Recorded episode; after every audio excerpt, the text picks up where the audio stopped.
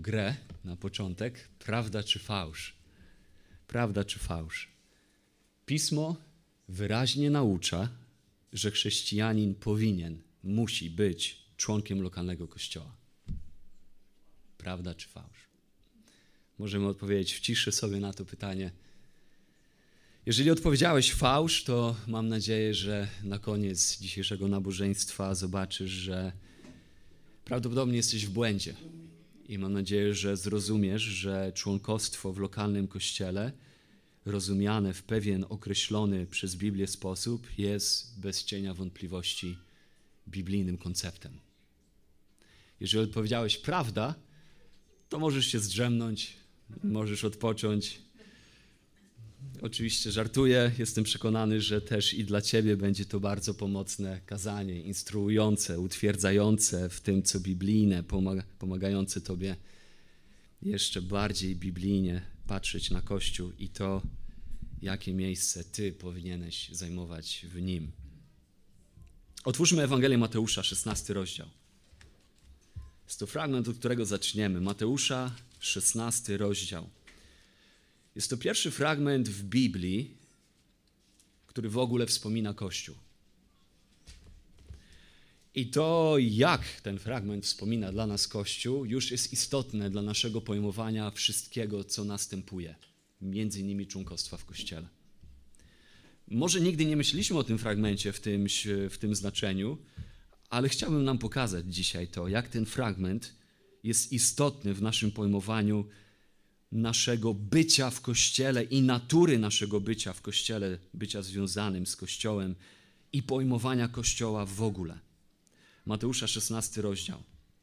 Tam od 13 wersetu mamy sytuację, kiedy to Pan Jezus podróżuje ze swoimi uczniami, zadaje im pytanie, za kogo uważają go ludzie, potem zadaje to pytanie im, za kogo wy mnie uważacie.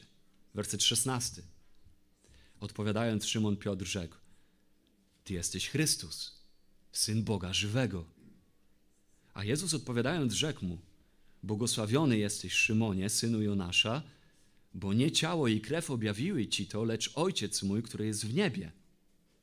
A ja ci powiadam, że ty jesteś Piotr i na tej opoce zbuduję kościół mój, a bramy piekielne nie przemogą go. I dam ci klucze królestwa niebios. I cokolwiek zwiążesz na ziemi, będzie związane w niebie, a cokolwiek rozwiążesz na ziemi, będzie rozwiązane i w niebie. No, mamy tutaj wiele rzeczy w tym fragmencie. Chciałem skupić się na kilku e, najbardziej istotnych dla nas dzisiaj. Pierwsze, co widzimy w tym fragmencie, to jest to, że Kościół jest ustanowionym i stworzonym przez Boga zgromadzeniem. Jezus mówi: Ja zbuduję kościół mój. Nie jest to wytwór kreatywności, inwencji ludzkiej, instytucji, organizacji jakiejś. Jest to pomysł samego Chrystusa. Jest to pomysł Boży, zrodzony w Jego umyśle, w Jego sercu. Jest to ustanowiony i stworzony przez Boga pomysł na zgromadzenie przez Niego zbawionych ludzi, których On następnie organizuje według swojego Bożego zamysłu, pod swoim Bożym autorytetem dla swoich Bożych celów. I tutaj mamy taką ciekawą rzecz, kiedy to Piotr składa wyznanie, prawidłowe wyznanie o osobie Chrystusa, Jezus odpowiada mu, że Ty będziesz miał moc związywać na ziemi i rozwiązywać na ziemi. Dam Ci klucze królestwa, werset 19.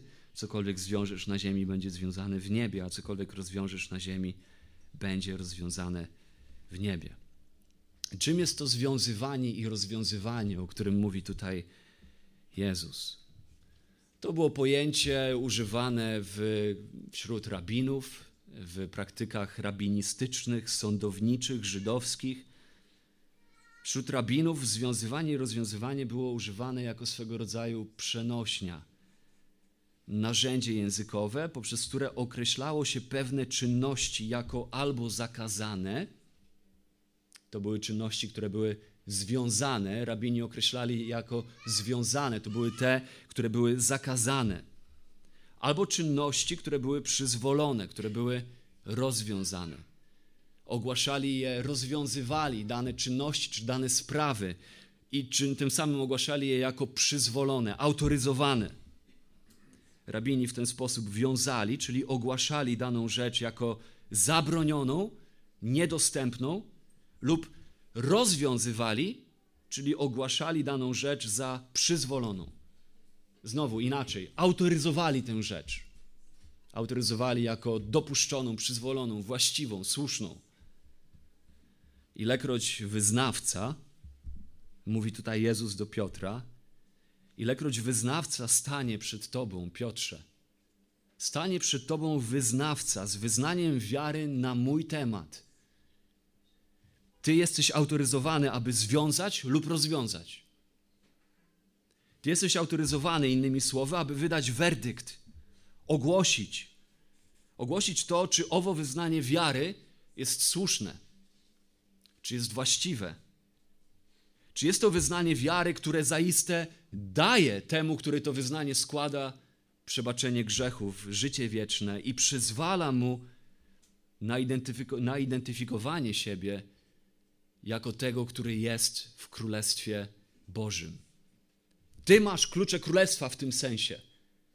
Ty masz tę moc ode mnie, by ogłaszać werdykt, wydawać osąd na temat tego, który stanie przed Tobą z wyznaniem wiary, czy to wyznanie wiary zaiste jest słuszne, czy ono jest właściwe, czy ono jest biblijne, czy to wyznanie wiary jest takim samym wyznaniem wiary, jak przed chwilą Ty, Piotrze, złożyłeś przede mną.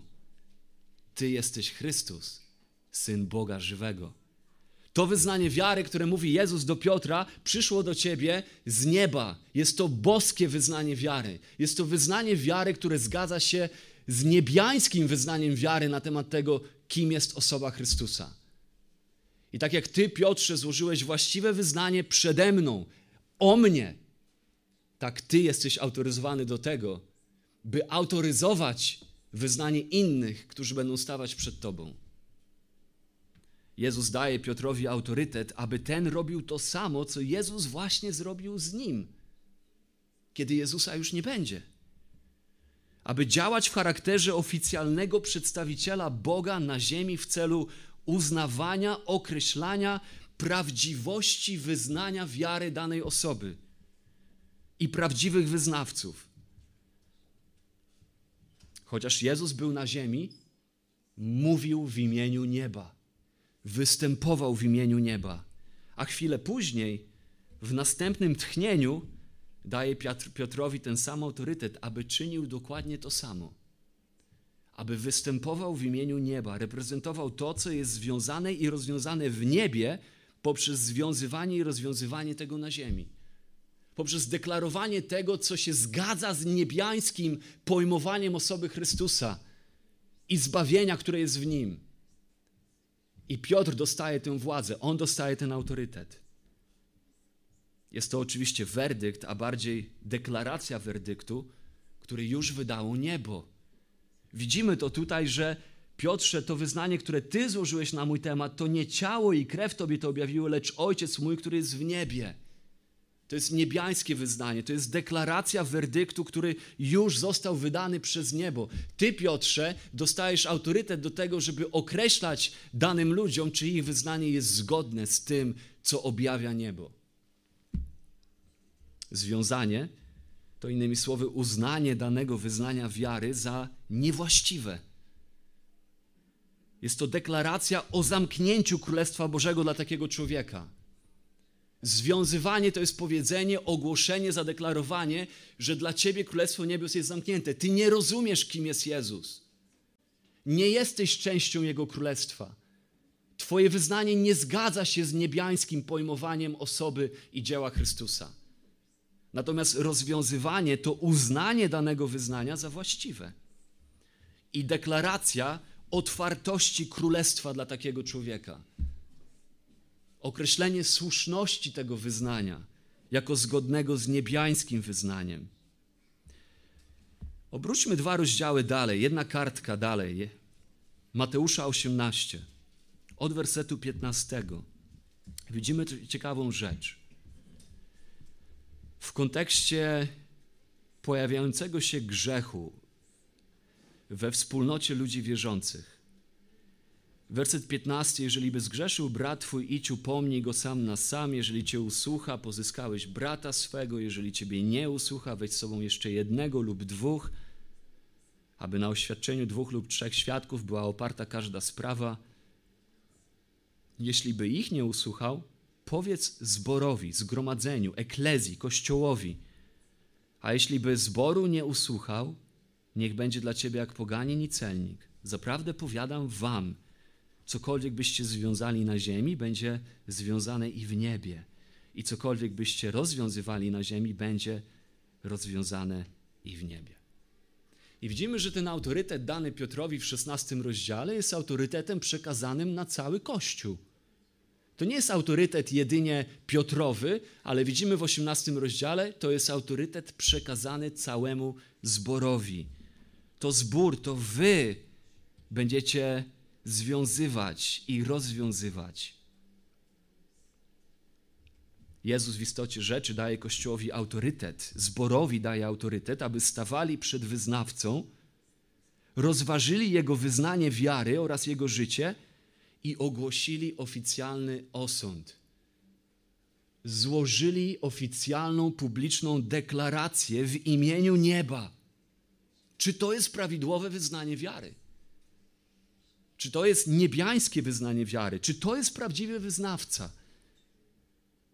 Innymi słowy, Kościół posiada władzę nieba, aby ogłaszać, kto na ziemi jest obywatelem królestwa i reprezentować niebo. Nie ma władzy, by czynić kogoś obywatelem królestwa. Nie mylmy tych dwóch rzeczy. To Kościół rzymski bardziej wyznaje ale też nie wyrzucajmy dziecka z kąpielą, nie, nie, nie negujmy tych słów, nie wykreślajmy ich z pisma. Kościół dostaje autorytet, jest autoryzowany przez Boga do tego, by stawać przed wyznawcą i określać, ogłaszać, deklarować, czy jego wyznanie wiary jest słuszne, jest właściwe. Innymi słowy, to nie jest kwestia indywidualnej, opinii człowieka, który uważa o sobie samym, że się nawrócił, i to już jest najwyższa pieczęć prawdziwości jego wyznania wiary, bo on tak uważa. Nie jest to obraz Nowego Testamentu. Obraz Nowego Testamentu jest taki, że kiedy ty uważasz, że się nawróciłeś, przychodzisz, stajesz przed Kościołem i to Kościół następnie publicznie deklaruje, rozważając Twoje wyznanie wiary i Twoje życie, czy to się zgadza z biblijnym wyznaniem wiary. I albo związuje, albo rozwiązuje Twoją pozycję w Królestwie Bożym na podstawie złożonego przez Ciebie wyznania wiary i Twojego życia. Kościół lokalny posiada władzę nieba w tym sensie, aby ogłaszać.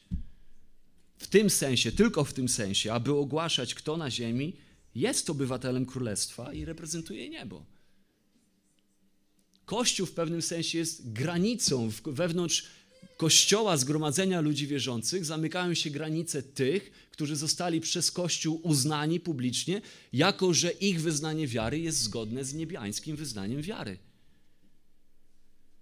To znaczy, że Kościół jest bardziej jak ambasada aniżeli klub. I to jest kluczowe dla naszego zrozumienia członkostwa w ogóle, tak jak ono jest dla nas rozpisane w reszcie Nowego Testamentu, w pozostałości Nowego Testamentu. Kościół jest bardziej jak ambasada niż jak klub. Kim jest więc członek Kościoła? No to ktoś, kto przychodzi przez drzwi ambasady znajdując się w obcym kraju. My wiemy, że znajdujemy się w obcym kraju. Piotr pisze o tym, jesteście przechodniami i pielgrzymami w tym świecie. To nie jest nasz dom, nasza ojczyzna jest w niebie, pisze Paweł Filipian 3:20. Więc przychodzi człowiek przez drzwi ambasady i ogłasza, że należy do Królestwa Chrystusa. Mówi: Dzień dobry, nazywam się chrześcijanin. Urzędnik w ambasadzie wystukuje coś na klawiszach swojego komputera i mówi: tak, tak, oczywiście. Mamy tutaj Twoje dane. Widzimy tutaj Twoją przeszłość. Możemy ocenić, że Twoja deklaracja jest słuszna, jest zgodna z prawdą. Oto Twój paszport. Oto Twój paszport. A zatem członkiem Kościoła jest ktoś, kto został oficjalnie uznany za chrześcijanina i część powszechnego ciała Chrystusa. To jest ktoś, kogo wyznanie wiary zostało uznane, określone, autoryzowane przez ciało Chrystusowe, lokalne ciało Chrystusowe, potwierdzające, że dany człowiek, przedstawiający siebie jako chrześcijanin, zaiste nim jest. Nie oznacza to, że kościoły zawsze mają rację, ale ich zadaniem jest identyfikacja i uznawanie, kto należy do królestwa, a kto nie. Znowu, Kościół nie włącza do królestwa. Nie mylmy tych dwóch rzeczy. Kościół absolutnie nie ma władzy komuś dać królestwo i zabrać królestwo, ale ma władzę ogłaszać na podstawie złożonego wyznania wiary i życia danej osoby, czy ktoś jest w królestwie, czy nie. Na co wskazuje jego wyznanie wiary lub jego życie, albo jedno i drugie. Czy lokalny kościół będzie wykonywał władzę kluczy w doskonały sposób? Oczywiście, że nie. Będzie popełniał błędy, tak jak popełnia błędy każdy inny autorytet ustanowiony przez Boga. Jako taki lokalny kościół będzie niedoskonałym przedstawieniem tego powszechnego Kościoła, doskonałego zgromadzenia Chrystusowego, kiedy to wszyscy w czasach ostatecznych, w dniu ostatecznym, cały Kościół ludzi prawdziwie zbawionych zostanie zgromadzony i postawiony przed Chrystusem, no to oczywiście ten widzialny Kościół dzisiaj, przejawiający się w lokalnych wspólnotach, nie będzie doskonale odzwierciedlał tego doskonałego, niewidzialnego Kościoła. Ale fakt, że Kościół lokalny popełnia błędy, tak jak popełniają je rządy państwowe ustanowione przez Boga, tak jak popełniają je rodzice, którzy mają ustanowiony przez Boga autorytet rodzicielski, to nie oznacza, że nie mają mandatu do sprawowania władzy. Fakt popełniania błędów nie oznacza, że nie posiada się mandatu do sprawowania pewnej władzy. I to dotyczy każdego ustanowionego przez Boga autorytetu. Kiedy ludzie pytają, gdzie w Biblii jest mowa o członkostwie, problem polega na tym, że szukają czegoś, co przypominałoby przyłączenie się do klubu, aniżeli pojmowanie Kościoła w kategoriach ambasady. Myślą o członkostwie w kategoriach stowarzyszenia, ponieważ członkostwo to słowo związane właśnie z klubem, z czymś dobrowolnym, w takim sensie, że chcę, to się przyłączam, nie chcę, to nie, albo jak się przyłączam tutaj, to potem gdzieś idę gdzieś indziej, to mnie do niczego nie zobowiązuje, wobec niczego nie muszę być odpowiedzialny, zawsze mam gdzieś tam furtkę tylną otwartą, żeby wyjść. Członkostwo charakteryzuje kluby, partie polityczne, związki zawodowe. Natomiast nie używamy członkostwa w odniesieniu do rządów albo obywateli państwowych. Czy ktoś kiedykolwiek słyszał, jak ktoś mówi, jak wygląda dzisiaj członkostwo Brytyjczyków? No, jest jakieś 60 milionów członków Wielkiej Brytanii. No, w tych kategoriach nie postrzegamy członkostwa w państwie. Więc ktoś gorliwy o duchu Berejczyków z dziejów apostolskich, którzy dociekali w piśmie, czy sprawy faktycznie tak mają, będzie chciał rozdział i werset w piśmie dowodzący doktryny członkostwa. Będzie pytał, gdzie Biblia mówi o tym, że mam być członkiem Kościoła. No, odpowiedź jest taka, że jeżeli chodzi o rozdział i werset, to prawdopodobnie nigdzie. Można zadać takie pytanie: gdzie Biblia mówi żonom, żeby kochały swoich mężów? Czy znamy rozdział i werset? Otóż nie ma takiego fragmentu. Najbliższym fragmentem byłby list do Tytusa napisany, gdzie starsze kobiety mają uczyć młodsze, jak te mają miłować mężów. Ale jako nakazu nie znajdujemy ani jednego przykładu w Nowym Testamencie, gdzie wprost nakazane jest żonom, by kochały swoich mężów. Oczywiście nikt z nas nie wątpi w to, że jest to nakaz biblijny.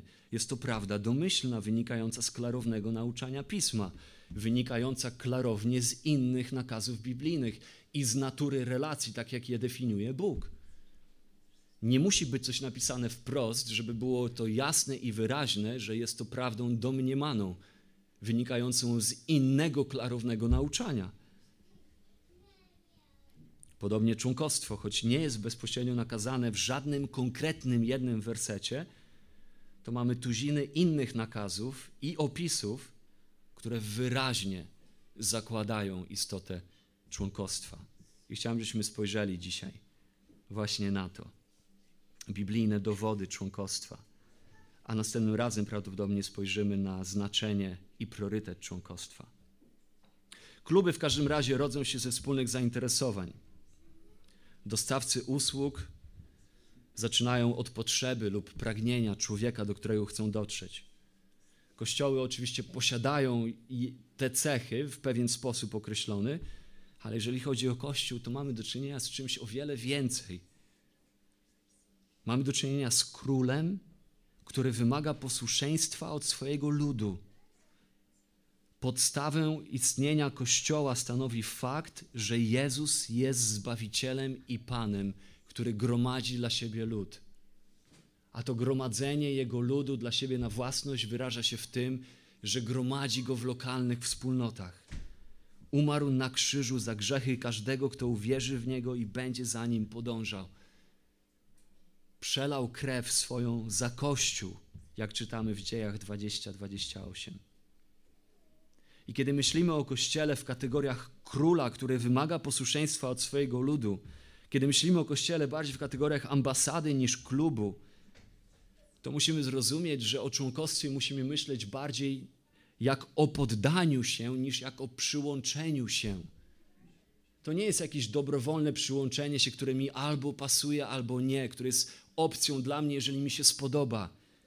Mówimy o poddaniu się temu, co jest biblijne, co jest niebiańskie, co jest królewskie. Z niechrześcijańskiego punktu widzenia Kościół lokalny jest oczywiście dobrowolnym stowarzyszeniem. Z niechrześcijańskiego punktu widzenia nikt nie musi do niego wstępować. Co więcej, to nawet nie jest tak, że wszyscy mogą do niego wstąpić. To nie jest miejsce dla wszystkich. To nie jest miejsce, do którego można przyjść. Spodobała mi się tutaj dobra kawa, fajne towarzystwo, więc mówię, chciałbym się zapisać do tego kościoła. To nie tak działa. Ani nikt nie musi do niego wstępować, ani nie każdy może do niego wstąpić. Z chrześcijańskiego punktu widzenia sprawy mają się jednak inaczej. Nie jest to dobrowolne stowarzyszenie, bo gdy wybierasz Chrystusa, automatycznie musisz wybrać Jego ludzi. Jeżeli rozumiesz, że poprzez swoje upamiętanie i wiarę złożoną w Chrystusie dla przebaczenia swoich grzechów zostałeś zjednoczony z Chrystusem jako z głową, to od razu zostałeś zjednoczony z Jego ciałem. Jego ciałem, które tak jest ciałem powszechnym, niewidzialnym ciałem Jego, ale które wyraża się w widzialnych wspólnotach. To jest transakcja pakietowa. Wybierasz ojca i syna, musisz też wybrać całą rodzinę. Wybierasz głowę, musisz wybrać ciało. A czynisz to poprzez przyłączenie się do lokalnego kościoła, oddanie lokalnemu kościołowi. Więc dowody członkostwa. Siedem prawd wskazujących na to, że członkostwo w lokalnym kościele jest wolą Bożą dla chrześcijanina. Siedem prawd wskazujących na to, że członkostwo w lokalnym kościele jest wolą Bożą dla chrześcijanina. Chrześcijanina. Po pierwsze, nowotestamentowe obrazy Kościoła. Jak wiemy, Nowy Testament używa kilka różnych metafor do opisania kościołów, Kościoła. Niektóre z tych metafor opisują zbiorowo Kościół Chrystusowy na całym świecie, ten niewidzialny, powszechny, ale jednocześnie wszystkie z nich, każda z nich, każda z tych metafor odnosi się w jakimś kontekście do kościoła lokalnego. Ma swój wyraz w lokalnym kościele.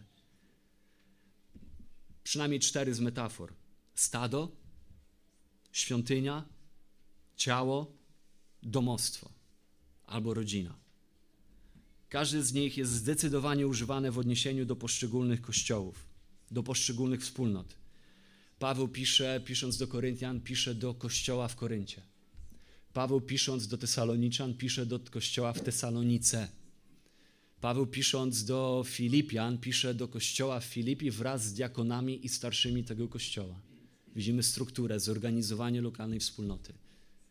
Kiedy mamy siedem listów w Księdze Objawienia, jest to siedem listów do lokalnych wspólnot. W konkretnych miejscach, w konkretnym czasie. Do Sardes, do Efezu, do Filadelfii, do Laodycei, do Smyrny, do Pergamon, do Tiatyry. Zawsze. Nie mamy ani jednego listu w Nowym Testamencie, ani jednego listu, który nie byłby skierowany do Kościoła. Nawet listy indywidualne, ktoś powie, no mamy przecież list do Tymoteusza i list do Tytusa. Tak, tylko te listy są skierowane do tych, którzy mają regulować życie lokalnych wspólnot. Nawet list do Filemona. Rozgrywają się rzeczy, wydarzenia tego listu opisanego tam w życiu wspólnoty. One dotyczą Kościoła. Każdy list Nowego Testamentu dotyczy Kościoła. Listy nie były wysyłane do chrześcijan. Kiedy ktoś, autor natchniony przez Boga, chciał coś powiedzieć chrześcijanom, nie wysyłane były do chrześcijan, którzy gdzieś tam sobie żyli po swojemu, ale były wysyłane do kościołów, ponieważ domniemane było to, że kiedy ktoś był chrześcijaninem, to był w lokalnej wspólnocie, był jej częścią, był jej członkiem.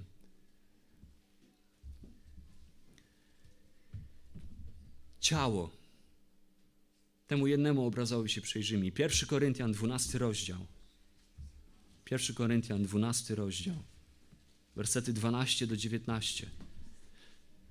12, 12 do 19. Albowiem jak ciało jest jedno, członków ma wiele, ale wszystkie członki ciała, chociaż jest ich wiele, tworzą jedno ciało, taki Chrystus bo też w jednym duchu wszyscy zostaliśmy ochrzczeni w jedno ciało, czy to Żydzi, czy Grecy, czy to niewolnicy, czy wolni, i wszyscy zostaliśmy napojeni jednym duchem. Albowiem i ciało nie jest jednym członkiem, ale wieloma. Jeśli by rzekła noga, ponieważ nie jestem ręką, nie należy do ciała, czy dlatego nie należy do ciała? A jeśli by rzekło ucho, ponieważ nie jestem okiem, nie należy do ciała, czy dlatego nie należy do ciała? Jeśli by całe ciało było okiem, gdzie byłby słuch? A jeśli by całe ciało było suchem, gdzież byłoby powonienie? Tymczasem Bóg umieścił członki w ciele, każdy z nich tak, jak chciał. A jeśli by wszystkie były jednym członkiem, gdzież byłoby ciało? A tak członków jest wiele, ale ciało jedno. Mamy tutaj obraz ciała, znowu wiele rzeczy w tym fragmencie, ale chciałbym zwrócić uwagę na jedną kluczową. Pierwotne znaczenie słowa członek w ogóle – to członek ciała, jak ręka, stopa, oko, ucho. Stąd wzięło się w ogóle słowo członkostwo. Dlatego oddanie chrześcijanina lokalnej wspólnocie nazywamy członkostwem.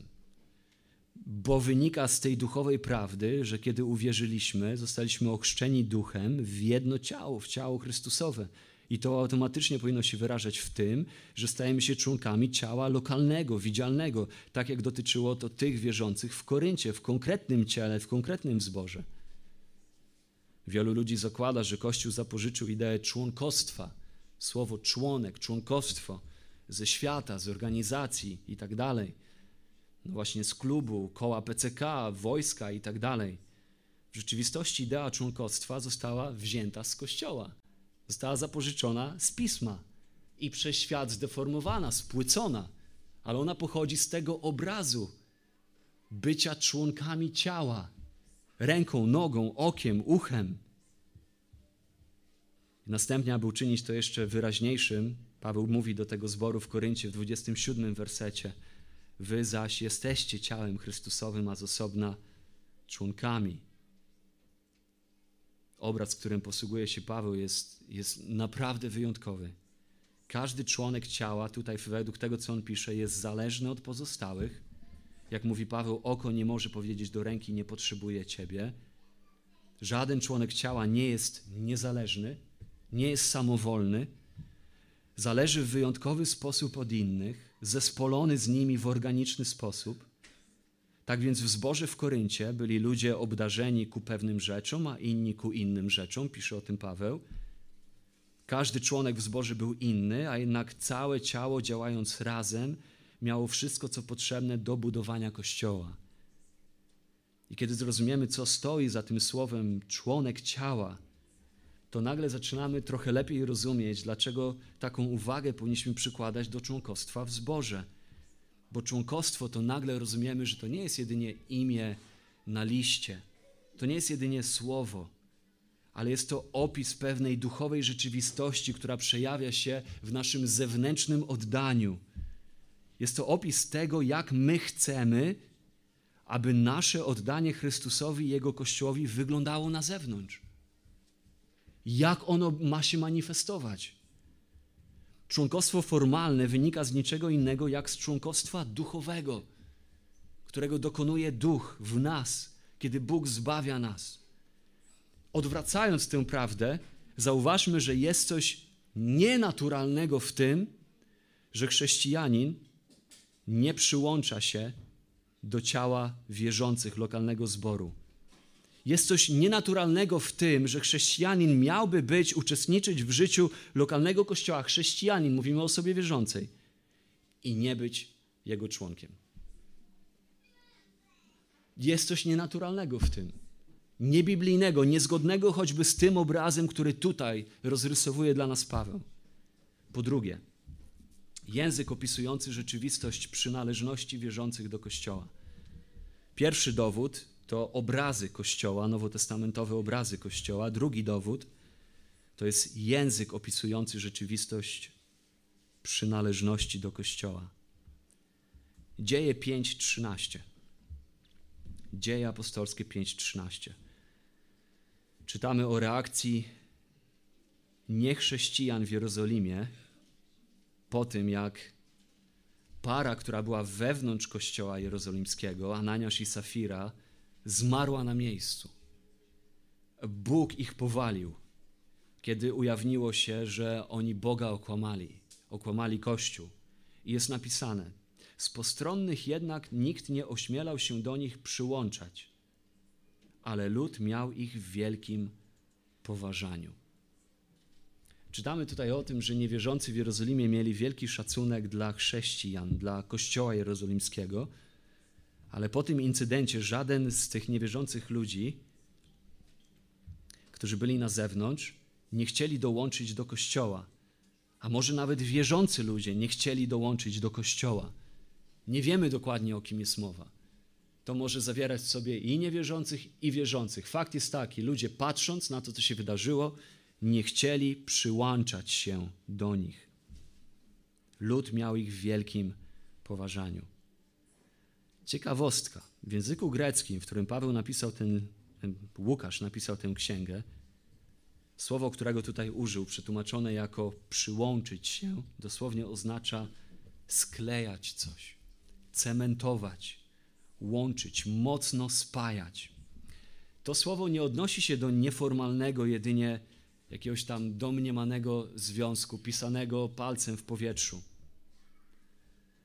ale tutaj jest mowa o takim przyłączeniu się, w którym decydujesz się przykleić do danej grupy ludzi.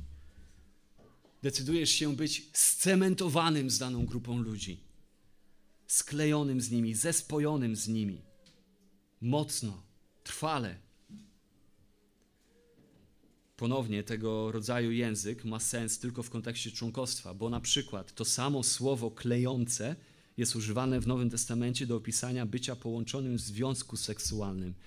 1 Koryntian 6,16. To samo słowo jest użyte. Kiedy łączy się człowiek w związku seksualnym z drugą osobą, to mówimy o takim zespoleniu. I bycie połączonym z Panem w jednym duchu w zbawieniu. 1 Koryntian 6,17. Znowu to samo słowo. Połączenie człowieka w zbawieniu z Panem w jednym duchu to jest to samo słowo użyte.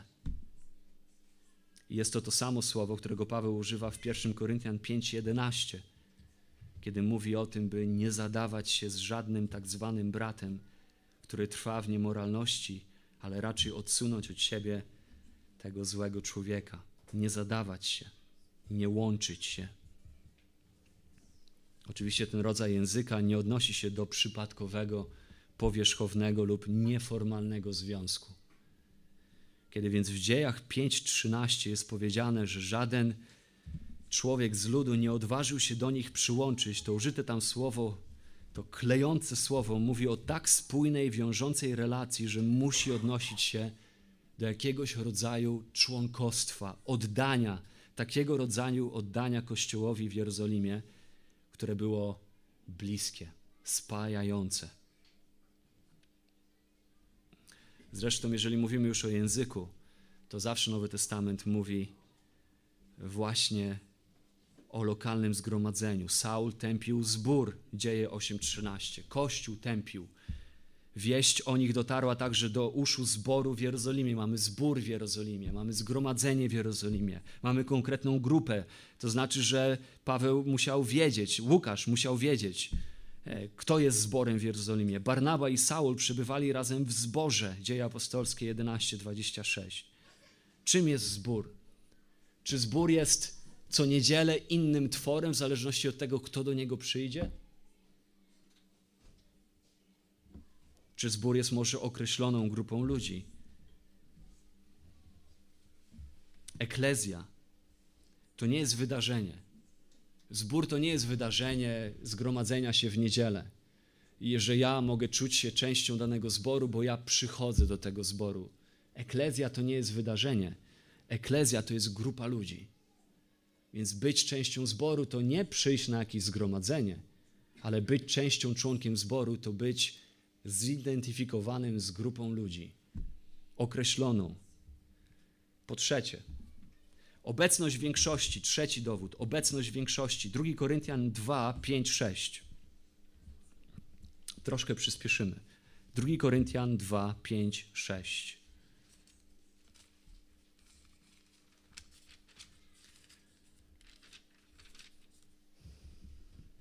Jeśli tedy ktoś zasmucił, to nie mnie zasmucił, lecz poniekąd, by nie powiedzieć za wiele was wszystkich.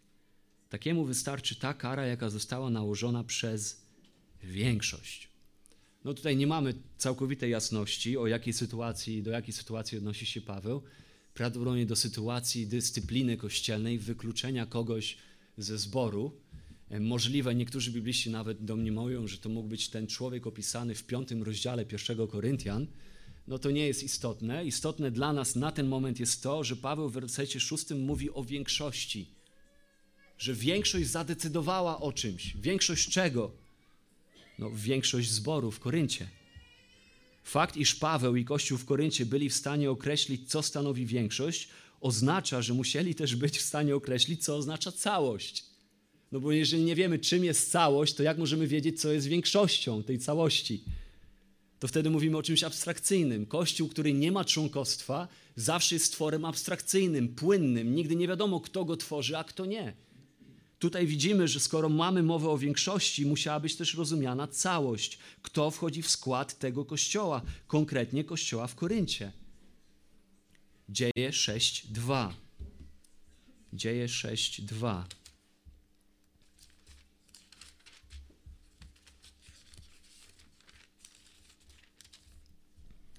Wtedy dwunastu, zwoławszy wszystkich uczniów, rzekło: Nie jest rzeczą słuszną, żebyśmy zaniedbywali Słowo Boże, a usługiwali przy stołach. Apostołowie zwołują wszystkich uczniów. Zwołują wszystkich uczniów. Zbór jerozolimski zwołują innymi słowy. Znowu, apostołowie musieli wiedzieć, kim są wszyscy. To był zbór pięciotysięczny, to był mega church, to był mega kościół, a jednak zwołują wszystkich. Musieli wiedzieć, kim byli wszyscy. Wiedzieli, ile osób jest w kościele i kiedy cały kościół się gromadził. Musieli wiedzieć, kiedy cały kościół się gromadził, a kiedy tylko jego część. Fragmenty odnoszące się do jakiejś części lub całości sugerują, że kościoły wiedziały, co stanowiło całość, a co stanowiło część. Po czwarte, możliwość wyłączania osób spośród kościoła. Czwarty dowód na ideę członkostwa. Możliwość wyłączania osób spośród Kościoła. Więc przynależność do Kościoła, członkostwo w Kościele wynika ze sposobu, w jaki Kościół ma dyscyplinować swoich członków, tych, którzy są częścią tego Kościoła. Wróćmy na chwilę do Mateusza 18, wersety 15 do 17, ten fragment o napominaniu brata, który trwa w grzechu gdzie to właśnie Kościół, eklezja, zgromadzenie wydaje się być ostatecznym sądem apelacyjnym w sprawach władzy kościelnej w odniesieniu do członkostwa tej osoby w zgromadzeniu tych, którzy identyfikują się jako wierzący ludzie. Widzimy to tam w tym fragmencie. To Kościół, to eklezja, zgromadzenie jest tym ostatecznym sądem apelacyjnym. Jeżeli nie ma członkostwa w Kościele, jak można określić grupę, która podejmie się tej delikatnej, jakże delikatnej, wrażliwej i ważnej sprawy napomnienia nieskruszonej osoby, a potem ewentualnie ostatecznego wydania osądu, deklaracji na temat jej pozycji w tej wspólnocie. Jeżeli nie ma członkostwa, to, to kto ma to czynić? To co słowo ma na myśli, kiedy mówi, że ta osoba i jej grzech ma być postawiony przed zborem? To znaczy przed kim? Przed tym, kto przypadkowo się zgromadzi w daną niedzielę? Przed kim? W tak wrażliwej, tak delikatnej sprawie, wymagającej tak duchowego rozeznania. Ten zbór, ta eklezja musi mieć ograniczone granice. To muszą być ludzie, którzy muszą być zidentyfikowani przez Kościół jako będący członkami tegoż to Kościoła. Nie ma innej możliwości. Kościół ewidentnie rozumie, kto w nim jest, a kto w nim nie jest. Kościół musi być możliwą do zdefiniowania grupą, aby móc zająć się tak ważną sprawą, jak rozprawienie się z bratem, który trwa w grzechu. Ty wiesz, kogo masz na myśli, kiedy zanosisz to do kościoła. Ty wiesz, kogo masz na myśli. Kościół wie, kogo ma na myśli, kiedy zanosi coś przed Kościół. W kościele w Koryncie napotykamy sytuację, w której mamy mężczyznę w zborze żyjącego w grzechu. To jest właśnie 1 Koryntian 5 rozdział. Tam mamy brata, który dopuszcza się grzechu i bez upamiętania, bez skruchy, trwa w nim. I Paweł zwraca się do kościoła, aby nie pozwolili mu być częścią kościoła, ale by go wykluczyli. 1 Koryntian 5. Mamy poniekąd zastosowanie Mateusza 18 rozdziału. 1 Koryntian 5, 12, 13. Bo czy to moja rzecz sądzić tych, którzy są poza zborem, poza lokalnym kościołem? Czy to nie wasza rzecz sądzić raczej tych, którzy są w zborze? Tych wtedy, którzy są poza zborem, sądził będzie Bóg. Wy usuńcie tego, który jest zły spośród siebie. No Paweł używa tutaj bardzo specyficznego języka mówiącego o tych, którzy są wewnątrz i o tych, którzy są na zewnątrz. Tych, którzy są częścią danej wspólnoty i tych, którzy nią nie są. Nie są częścią. Wynikają z tego dwa wnioski. Po pierwsze, istnieje grupa w kościele i grupa poza kościołem. Bycie w kościele, innymi słowy, jest definiowalne. Po drugie, dana osoba może zostać usunięta z bycia w kościele. Takie formalne usunięcie nie byłoby możliwe, gdyby nie było czegoś takiego jak wyraźne wcześniej członkostwo. Kto jest odpowiedzialną częścią tego organu, a kto nie. Piąty dowód. Wezwanie do posłuszeństwa pasterzom. Piąty dowód na istnienie członkostwa, na to, że Nowy Testament rozumiał, nowotestamentowy Kościół rozumiał, że wierzący stają się członkami lokalnych wspólnot. Wezwanie do posłuszeństwa pasterzom. Członkostwo w Kościele wynika z tego biblijnego wymogu podporządkowania się chrześcijan grupie przywódców w Kościele, starszych w Kościele, pasterzy. Chodzi o to, że bez członkostwa w takim razie do kogo odnosi się Nowy Testament? Kto musi podporządkować się określonej grupie przywódców? jeżeli nie ma członkostwa, jeżeli Kościół jest abstrakcyjną, niezdefiniowaną grupą ludzi, którzy po prostu uważają siebie za chrześcijan, raz są, raz ich nie ma, jak im pasuje, raz są tu, raz są tam, to kto, do kogo wtedy się zwraca pismo, że ma być odpowiedzialny i podporządkować się określonej grupie starszych, którzy mają sprawować duszpasterstwo nad określoną lokalną wspólnotą? jakiś rodzaj wyrażonej woli, przymierza, zgody lub zaangażowania, to znaczy członkostwa, musi poprzedzać poddanie się grupie przywódców. Rozważmy sposób, w jaki Nowy Testament mówi o stosunku Kościoła do jego przywódców. Hebrajczyków 13:17. Hebrajczyków 13:17.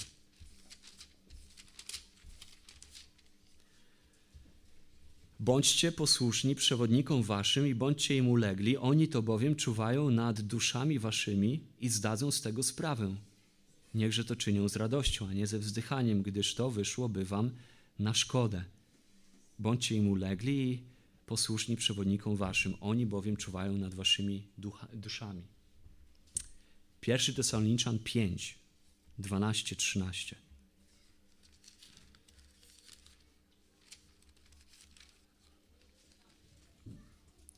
Pierwszy Tesaloniczan 5, 12, 13. A prosimy was, bracia, abyście darzyli uznaniem tych, którzy pracują wśród was, są przełożonymi waszymi w Panu i napominają was Szanujcie ich i miłujcie jak najgoręcej. Dla ich pracy zachowujcie pokój między sobą. Nie wiem, jak wiele trzeba się nagimnastykować, żeby z tych fragmentów zrobić kościół, który jest abstrakcyjny w swoim pojmowaniu członkostwa. Co to znaczy wtedy przywódcy, którzy pracują wśród nas, którzy są moimi przywódcami, których ja mam darzyć szacunkiem i miłością i którym się podporządkowywać? I najczęściej, uwaga, najczęściej cechą ludzi, którzy są wolnymi elektronami albo kościołów, w których panuje kultura wolnych elektronów, nie ma zobowiązania i przymierza i odpowiedzialności w oddaniu się członkostwu lokalnej wspólnoty. Bardzo często mianownikiem wspólnym takich ludzi, takich kościołów jest to, że nikt nie ma poczucia obowiązku, troski, szanowania i podporządkowania się uległości lokalnym przywódcom, bo nikt nie uważa tych przywódców za swoich przywódców. Ja jestem w daną niedzielę tutaj, skorzystam z usługi, a potem idę sobie swoją drogą, swoim życiem. Ja, Chrystus, moja głowa i ja sam. Nie muszę być częścią wspólnoty, nie muszę być członkiem Kościoła. Nie jest to biblijny obraz. Nie jest to nowotestamentowy obraz Kościoła. Po szóste, odpowiedzialność pasterzy. Kolejny dowód. Odpowiedzialność pasterzy. Z drugiej strony, patrząc na tę prawdę, przynależność do Kościoła wynika ze sposobu, w jaki Nowy Testament wymaga, aby starsi troszczyli się o powierzone im owce. Oczywiście starsi mogą i powinni okazywać miłość każdemu i powinni to robić w granicach swoich możliwości. Ale pytanie brzmi, czy Biblia mówi starszym, że mają ponosić szczególną odpowiedzialność za jakąś szczególną grupę ludzi, określoną grupę. Nazwijmy to grupę członków, ludzi, którzy tworzą daną lokalną wspólnotę. Dzieje apostolskie 20-28.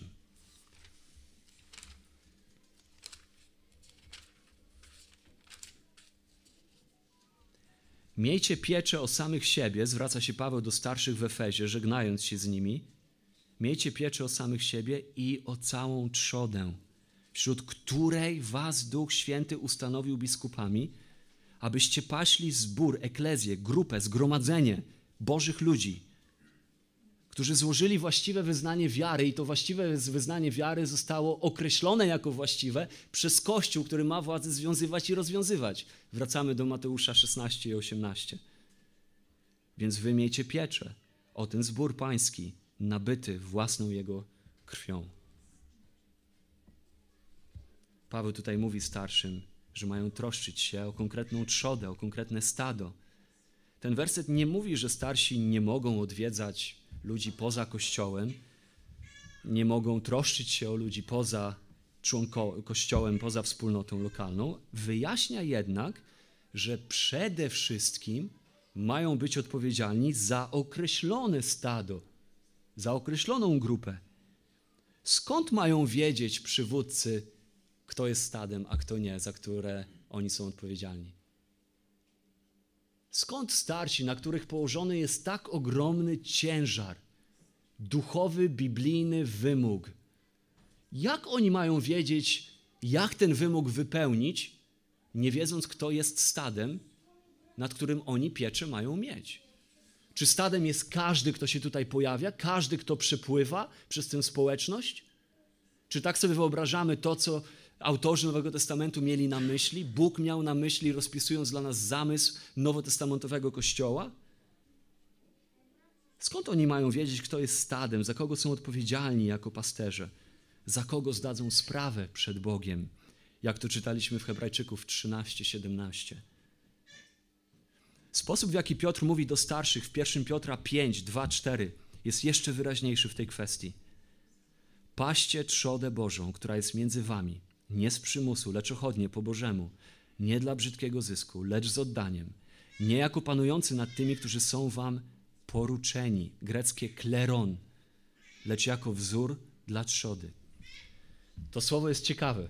Kleron, poruczeni. W innych przykładach, jeżeli macie, możecie znaleźć słowo, którzy są waszym działem, waszym dziedzictwem. To słowo oznacza czyjś los, czyjąś porcję, coś, co zostało nam przypisane, porcja, dział. To słowo sugeruje, że starsi wiedzieli, za kogo są odpowiedzialni, co jest ich porcją, co jest ich działem, tym, co jest tym losem, który im przypadł. To jest tylko inny sposób mówienia o członkostwie. Jeżeli ktoś nie chce być pociągnięty do odpowiedzialności przez grupę starszych lub być przedmiotem szczególnej troski grupy starszych, będzie się opierał idei członkostwa i będzie się sprzeciwiał wyznaczonemu przez Boga sposobowi życia i trwania w wierze.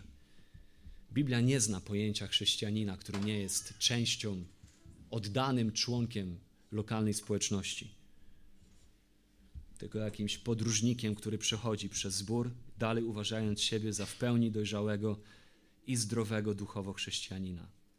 Pismo nie zna takiego pojęcia poza jednym złoczyńcą na krzyżu. który umarł, składając wyznanie Chrystusowi, otrzymując obietnicę, że będzie z nim w raju.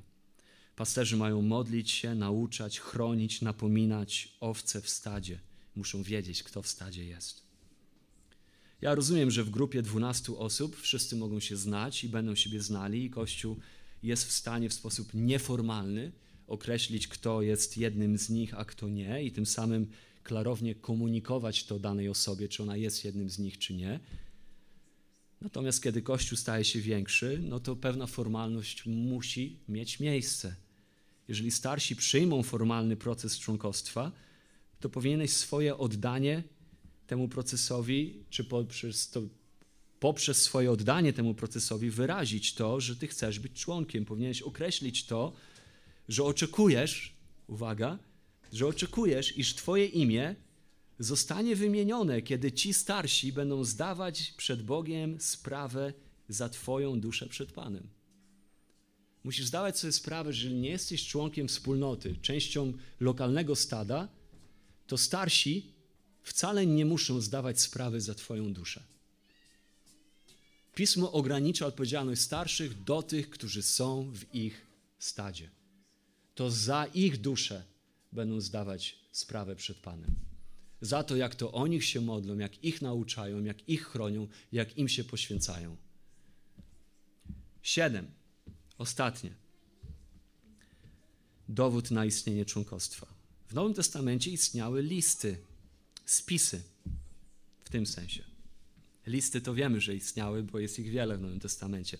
Spisy Wiemy, że kościoły w czasach Pawła sporządzały i utrzymywały przynajmniej jeden rodzaj list spisów.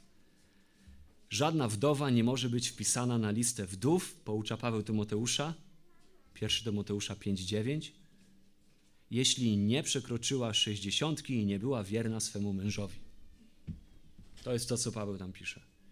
Nie może być wpisana na listę wdów.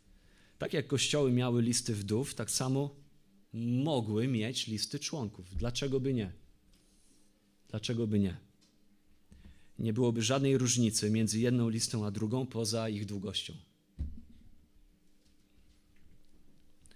Siedem biblijnych prawd wskazujących, że prawda o członkostwie jest domniemaną prawdą wynikającą z nauczania Nowego Testamentu. Nowotestamentowe kościoły wiedziały, kto jest ich częścią, a kto nie wiedziały, kto jest członkiem, a kto nie. Kiedy ludzie stawali się wyznawcami Jezusa, lub kiedy wyznawcy Jezusa przenosili się do innego miasta, formalnie utożsamiali się z lokalnym kościołem, przystępując do niego, będąc oddanymi Jemu. Nawrócenie w dziejach apostolskich zostało opisane przez Łukasza jako Pan dodawał do kościoła tam konkretnie do Kościoła Jerozolimskiego, dodawał do nich codziennie. Dzieje apostolskie 2,47. W Nowym Testamencie nie istniało coś takiego jak duchowe dryfowanie. Z tych siedmiu i wielu innych powodów biblijnych, na które nie mamy dzisiaj czasu, wierzymy, że członkostwo jest oczekiwaniem Nowego Testamentu dla wszystkich wierzących i każdy wierzący powinien być członkiem lokalnego ciała wierzących. To nie znaczy, że tego ale jakiegoś członkiem powinien być. Jakie to powinno mieć znaczenie w praktyce, spojrzymy na to następnym razem. co biblijny obraz członkostwa oznacza, bo on oznacza coś o wiele, wiele więcej niż pisanie siebie na jakąś listę. Ale taki jest Boży plan dla nas i dla Kościoła. Zachęcam więc Was do modlitwy i przemyślenia tego we własnym życiu. Nowy Testament nie zna chrześcijan, którzy nie są odpowiedzialnymi członkami lokalnych kościołów. W tym sensie, w jakim chociażby widzieliśmy dzisiaj. Chrześcijanie samotni, chrześcijanie żyjący na kocią łapę ze społecznością lokalną są biblijną sprzecznością, ponieważ bycie chrześcijaninem oznacza zjednoczenie z Chrystusem, a jedność z Chrystusem wyraża się w zjednoczeniu, w zespoleniu, w sklejeniu się, w przyklejeniu się do lokalnej wspólnoty, która jest wyrazem ciała Chrystusa, którego On jest głową. Czy jesteś odpowiedzialnym członkiem lokalnego kościoła? Nie tylko, czy Twoje imię jest gdzieś, ale czy jesteś oddany dyscyplinie i czy jesteś sam dyscyplinowany zgodnie ze standardami biblijnymi. Czy publicznie zadeklarowałeś, że chcesz być pod duszpasterstwem i przywództwem starszych lokalnego kościoła? Czy związałeś się z innymi w przymierzu, że Ty będziesz dbał o nich i oni będą dbali o Ciebie? I że razem będziecie dźwigać pochodnię Chrystusową, będąc w tym świecie pielgrzymami? Czy postrzegasz siebie i swoje dary jako część organicznego ciała usługujących wspólnie ludzi, zgromadzonych według zamysłu Bożego dla Jego celów? Czy swoim silnym przywiązaniem do ciała Chrystusa pokazujesz, że jesteś przywiązany de facto do samego Chrystusa? Powstajmy, zaśpiewajmy ostatnią pieśń.